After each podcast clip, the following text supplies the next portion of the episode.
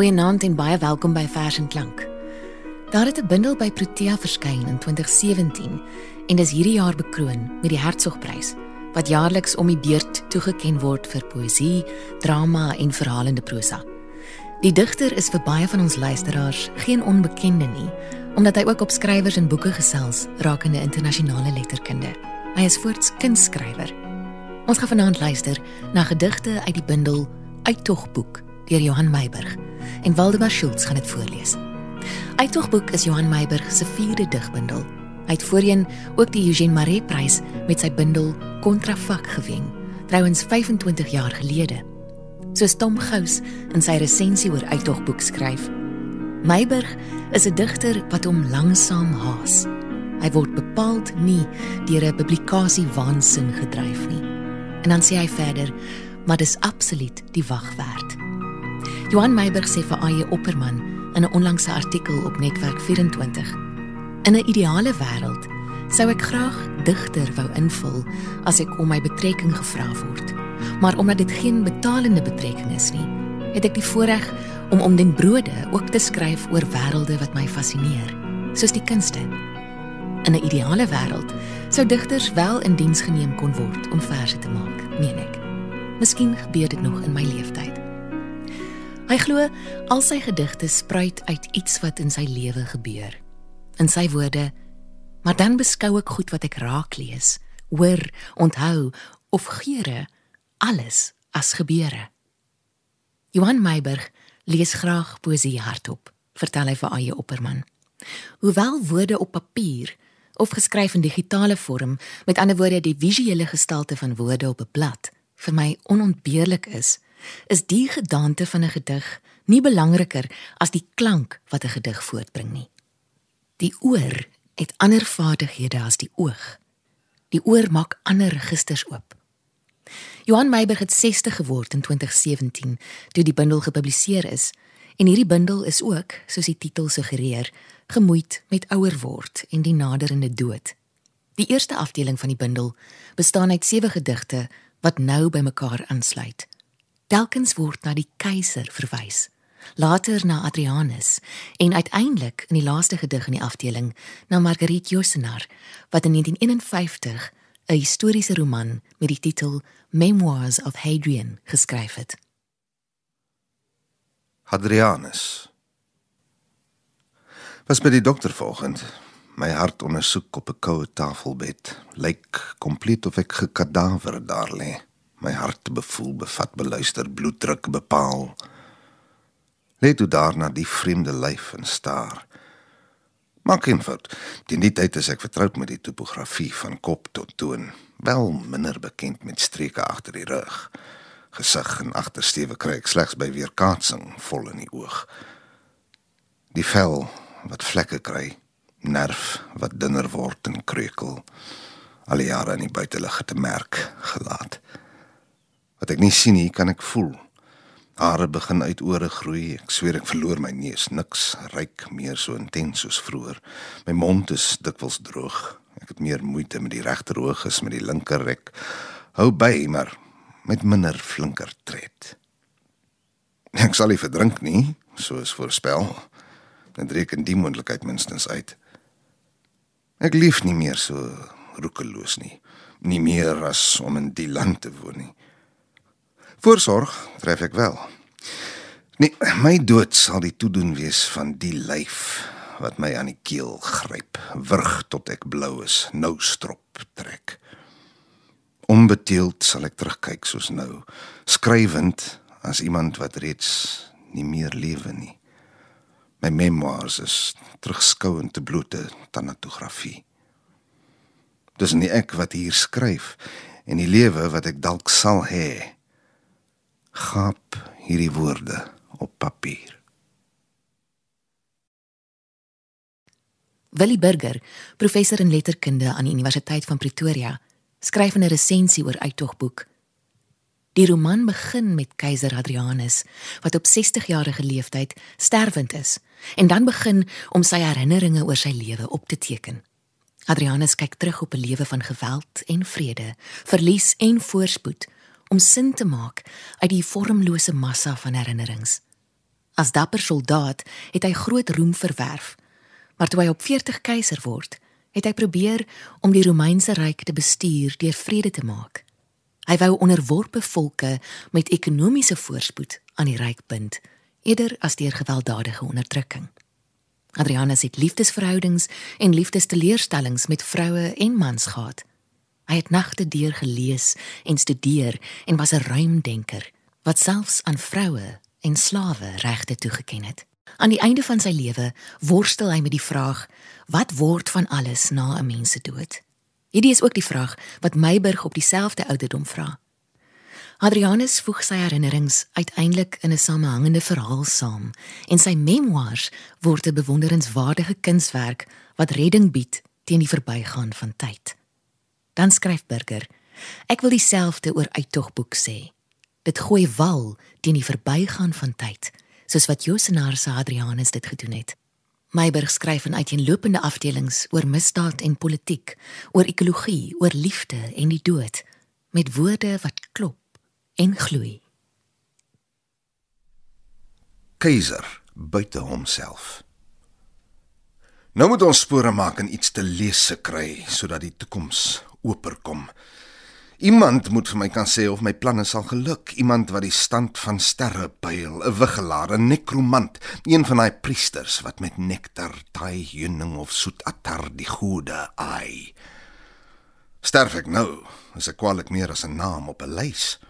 Ek het 'n langer lewe nodig sodat ek kan wys waarom ek onthou moet word kry 'n ouer om die lig dop te hou om die patrone van voëls en vlug, die van kraaie, uile, giere en die edelarend te lees. Dien die bloute moed iewers iets geskryf wees in die skrif van gode. Wat van Jupiter se donder, sy bliksem blits wat sterflinge as godswonder sien. Sou die firmament dan swyg, bring 'n skaap en slag dit dat die lewer self kan praat. Dit lieg sedert die dag van Caesar se dood, nooit as te nimmer. Loop haal iemand wat die onbekende vir my onder taal kan bring, die goed wat ek vermoed bestaan, maar nie kan sien nie. Die goed wat waanvoet as dit nie bestaan nie. As niemand iets kan lees nie, gee 'n stuk papier aan en ink dat ek teen die vrees in kan skryf. Miskien gee skryf my die vermoë om die dood tegemoet te gaan met oop oë.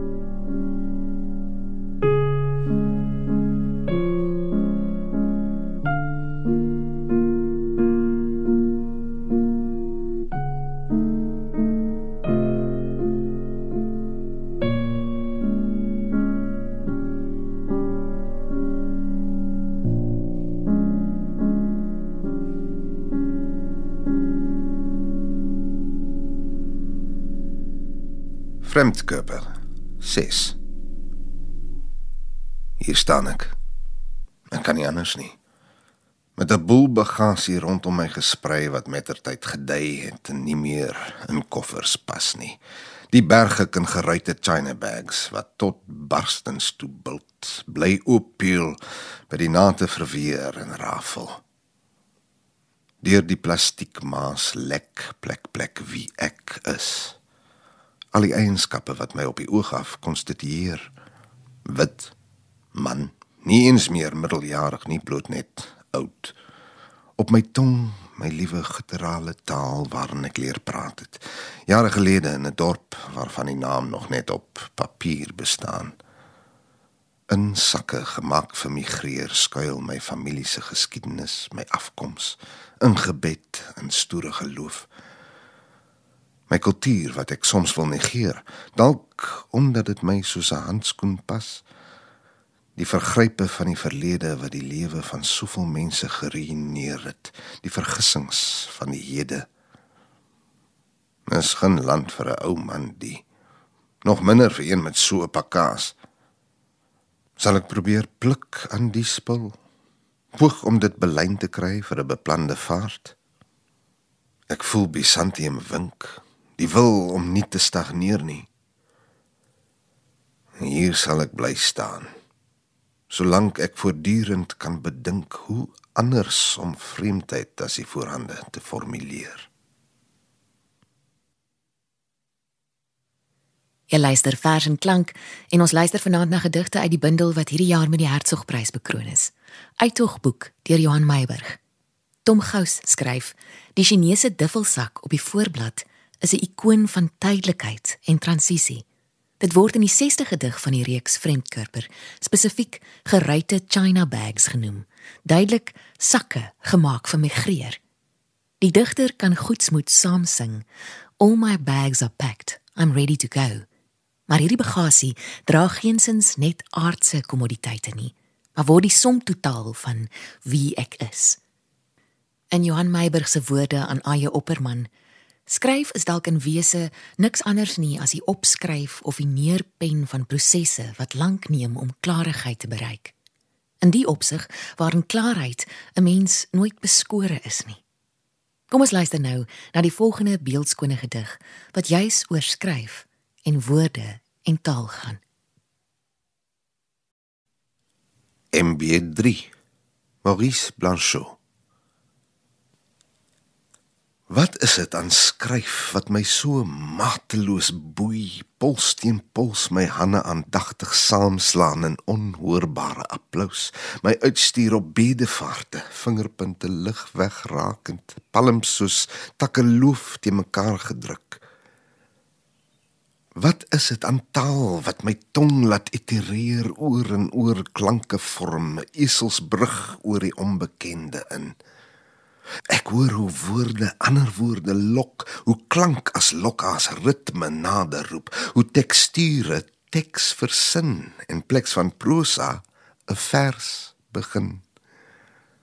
Ek voel my vingerpunte tintel. Ek voel hoe kry ek lyf, ek kry die snuf van skryf en skryf myself die lewe in en met een myself daaruit. bou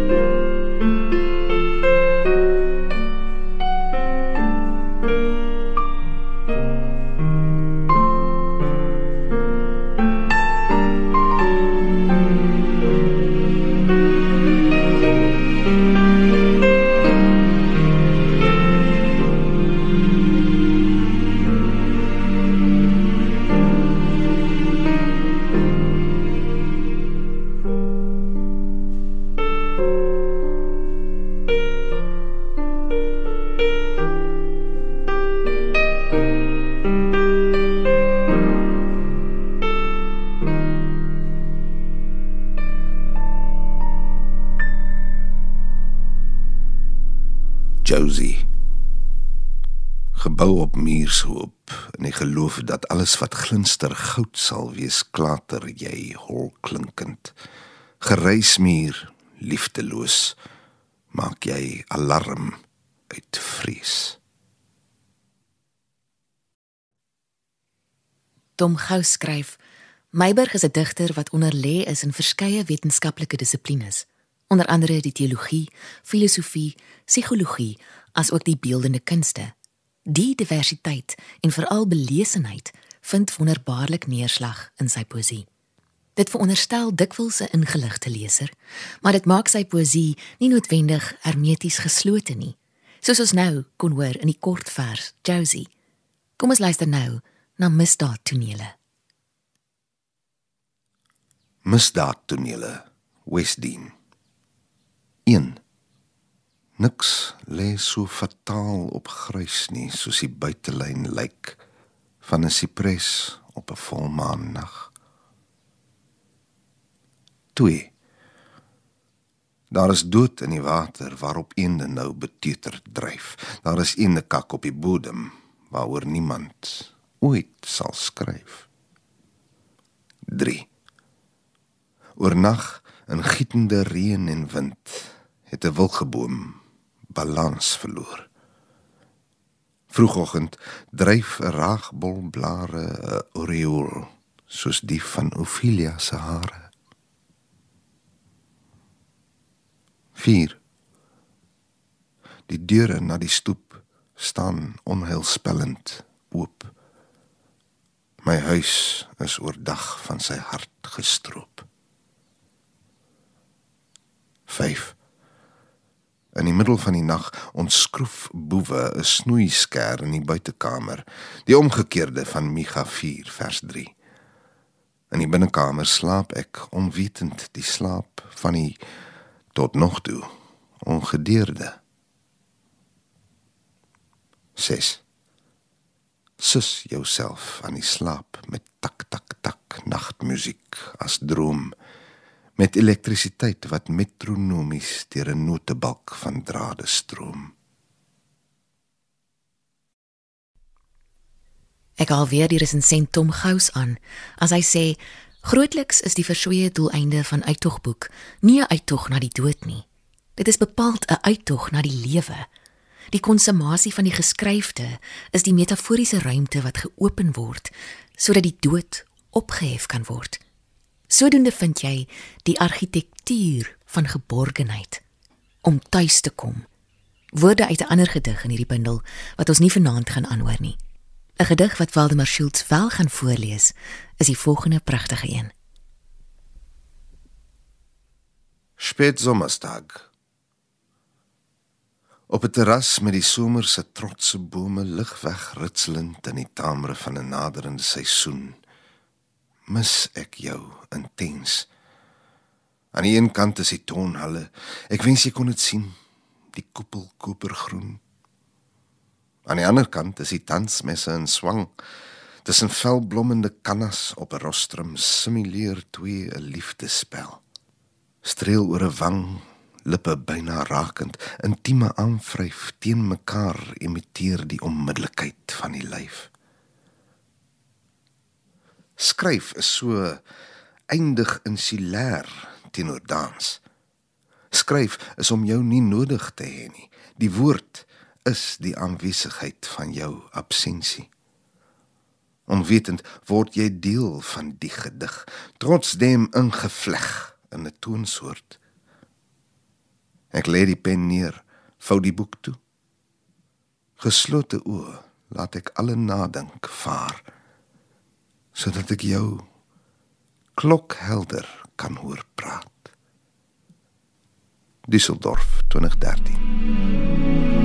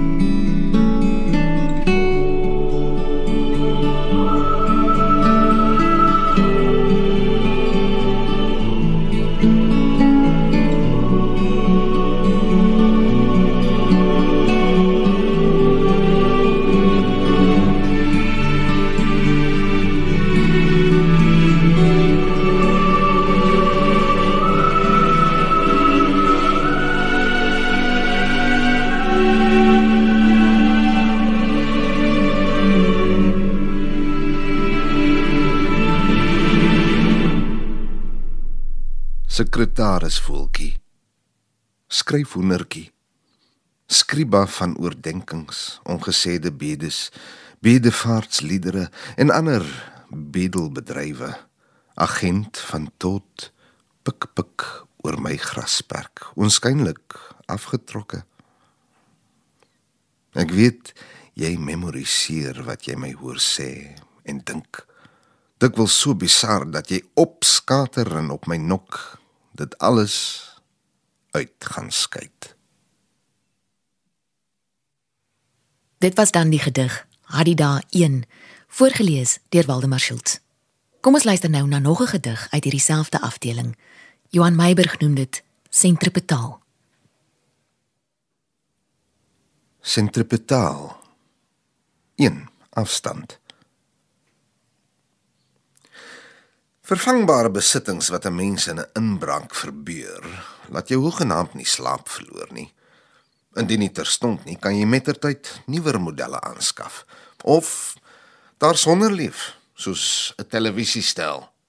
Dis simpel kleinode wat 'n wond laat, wat weliswaar genees en tog jare later onder vinger 'n rilling van herkenning gemis weemoed laat. So raak ek kortsigtig sonder my pa se verkyker. Hoe sal ek ewewig behou sonder sy waterpas, orent bly sonder sy winkelhak? 2 Met 'n knipmes, die lem dun geslyp deur jare, sit hy orent op 'n stoel geel perskes en skil stil soos ek hom onthou. Hy skil die perske dat hy gloei en sappig blink en mirakelagtig 'n helix spiraal wat egaal aan die lem bly hang en mettertyd by sy voete in 'n skottel krul. Behendig sny hy deur die vrug, 'n hele boord tot hy met 'n enkele pit in sy linkerhand sit. 3 astrale reis ek en my pa ry met sy roomwit wa 'n laat 50s galaxy deur boorde lemoen vol in blom ek en my pa sit woordeloos melkweg wit sterre agterna.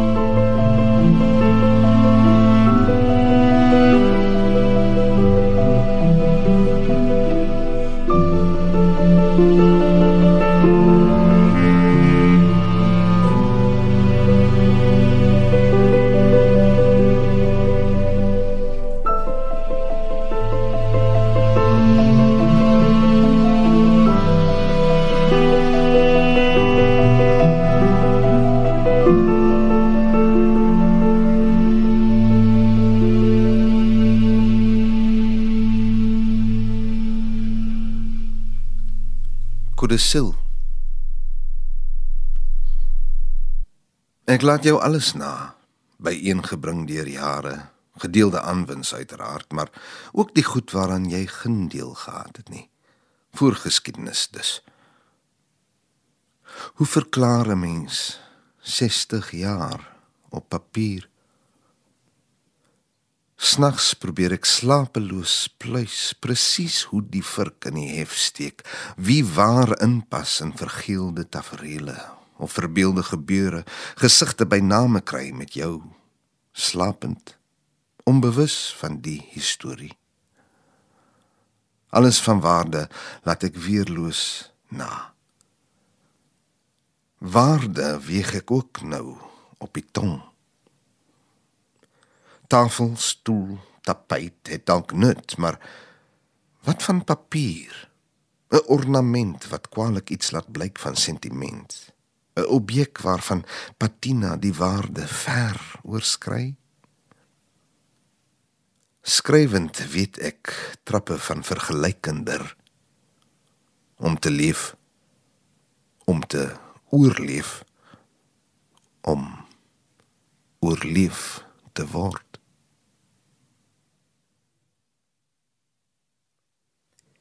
In 8 bundelafdelings bied Meiburg fyn afgewerkte gedigte wat wal gooi teen verganklikheid, skryf Willie Burger. Soos in kontrafak van 1994 vind hy aansluiting by die Latynse wêreld, by enkelinge soos Ovidius as bakens van onsterflikheid en hy knoop sy sterflikheid daaraan. John Hambidge meen dit is 'n bundel van tanatografie, maar terselfdertyd word die lewe besing en gevier van die Karoo tot Kastilië, van Xerxes tot Gustav Mahler in 'n bundel van om te leef, om te oorleef, om oorleef te word. Scherzo. Schattenhaft, fließend, aber nicht zu schnell. Gustav Mahler, M. Sou jy verdwyn sonder taal of tyding, want die wêreld is wyd en wisselvallig. Sou my hart bloed bly pomp, waarskynlik wurgend, maar nietemin reëlmatig, dalk gesinkopeerd die pas voortaan aangee. Sou jy verdwyn stiller as toe jy opgedag het, sou ek geen appel met jou wou skil geen wrevel koester, geen appel wou maak op goeie dae of briewe skryf nie om jou oor te haal ter wille van na aanleiding van ten behoewe van. Sou jy verdwyn sonder taal of tyding want die wêreld is wyd en wisselvallig sou ek jou 'n nagmusiek improviseer. Die klanke wat jy in my hart oopgesluit het troetel. Sou ek tyding kry dat jy vir altyd weg is sou ek weer moet gryp en swaar been daarmee dans 'n makabere dans, hortend, 'n middeldeur gebrekte wals, een wat sterf in my arms. Sou jy verdwyn sonder taal of tyding, sou ek on op hou de luk verdwaal.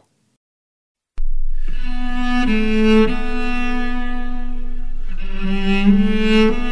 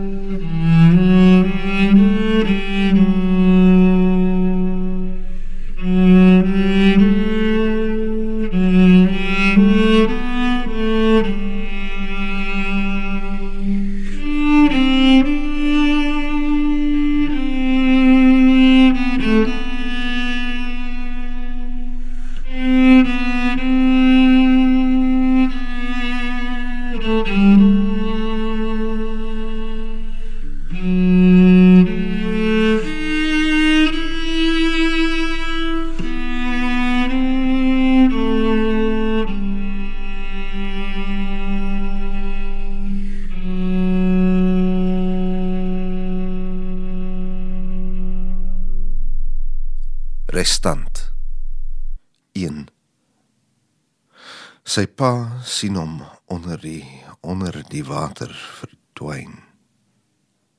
Ons sien aanlyn hoe hy oor en oor oor en oor verskyn. 2 Op 3 het hy die tog berubberboot nie oorleef nie. Lê uitgespoel op die strand van 'n Turkse oord nadat hy saam met sy pa, ma en broer via Kos na Kanada wou vlug. 5 minute van Bodrum oorboord geval in stormsee, verdrink, gewoel in strome en toe verdood laat lê. Oorleef het hy nie. Leef nou voort as digitale spook met 'n wang in die sand gedie, asof aan die slapende sandput, soos dit hoort. Rooi hempie, blou broek, sokkies. 'n Paar sandale wat sy ma donker donker stil stil sonder 'n woord vir hom aangetrek het. Op 3 het klein Alan Kurdi 'n argief betree wat sterflikheid oorskry 'n soort spektraal met 'n geheue wat onverpoest gedei. Die tog oorleef het hy nie. Tog leef hy ongestoord, digitaal en postuum in gestoorde stories voort.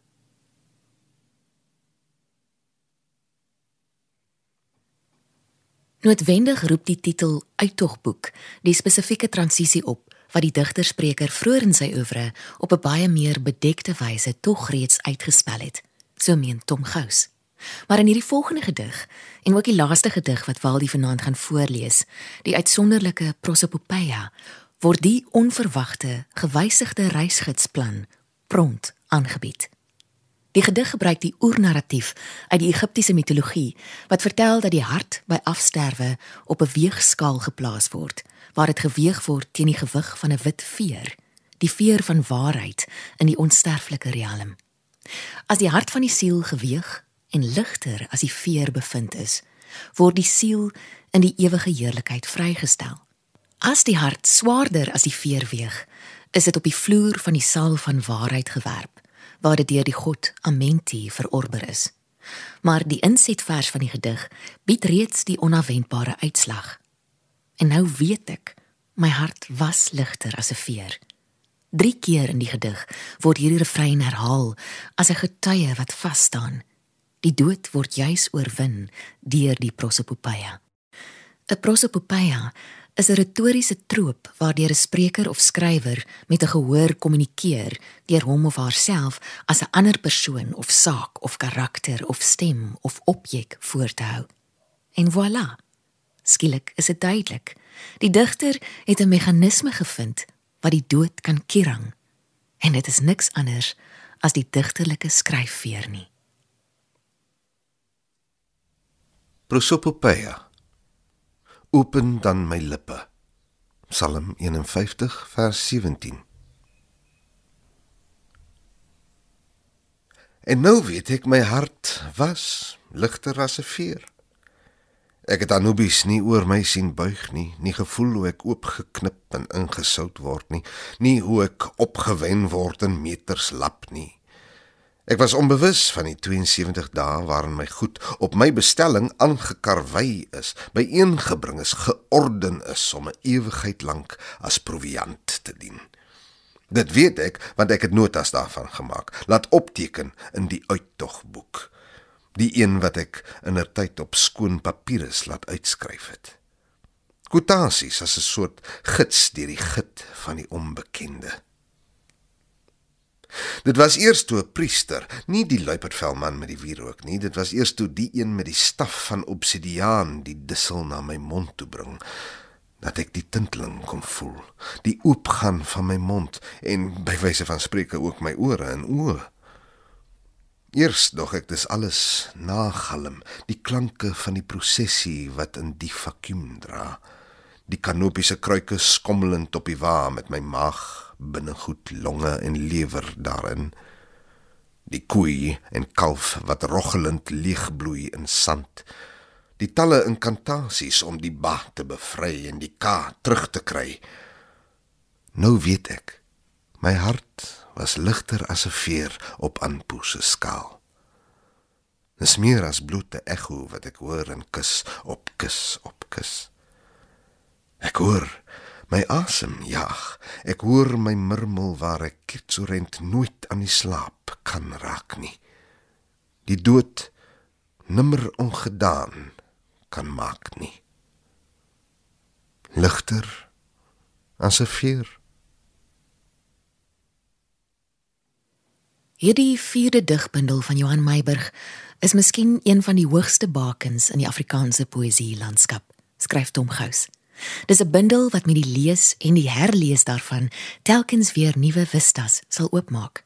Dit klink op in 'n heerlike tongval en met 'n resonante grootsheid wat ons jong en klein taaltjie baie baie trots moet maak. Hierdie bundel is waarlik 'n wit veer van waarheid in die onsterflike riekalm. Joan Hambidge wat Meiberg al voorheen beskryf het as 'n trefsekere helder stem, skryf in haar resensie oor Uittogboek. Meiberg se bundels was nog altyd deurgekomponeer, veral rondom musiek en die skilderkuns. Dieselfde geld hierdie bundel wat die leser kan oopmaak op enige plek om die kontrapuntale aard daarvan raak te sien. Dit is 'n ryke, komplekse bundel wat getuig van baie nadink en lees. Dit word egter nooit afgeleide kuns nie, omdat die digter sy eie autentieke ervaring daarvan weergee in 'n pragbundel van oor die 100 bladsye waarin vele tale en kulture beslag kry. Willie Burger skryf en daarmee sluit ek af. Hier is speelse gedigte, gedigte vol spot en ironie, soms bedrieglik toeganklik, terwyl ander weer besonder dig is. Dig aan verwysingsraamwerk, maar ook aan tegniek. Mens staan telkens verstom oor die vernuftige bindmiddels, versigtige woordkeuses wat op slim maniere saambind deur assosiasies, deur klank, deur betekenis. Uitdogboek kan met groot genot op grond van klank en woordspel en die betowering van die beelde geniet word sonder dat jy te veel verstaan. Maar dit verdien om weer en weer gelees te word. En geleidelik raak 'n mens opgewonde oor nog en nog ontdekkings. Hierdie is 'n hoogtepunt. Van my, Frida en ons musiekregisseur Herman Stein, 'n mooi aand vir jou. Thank you.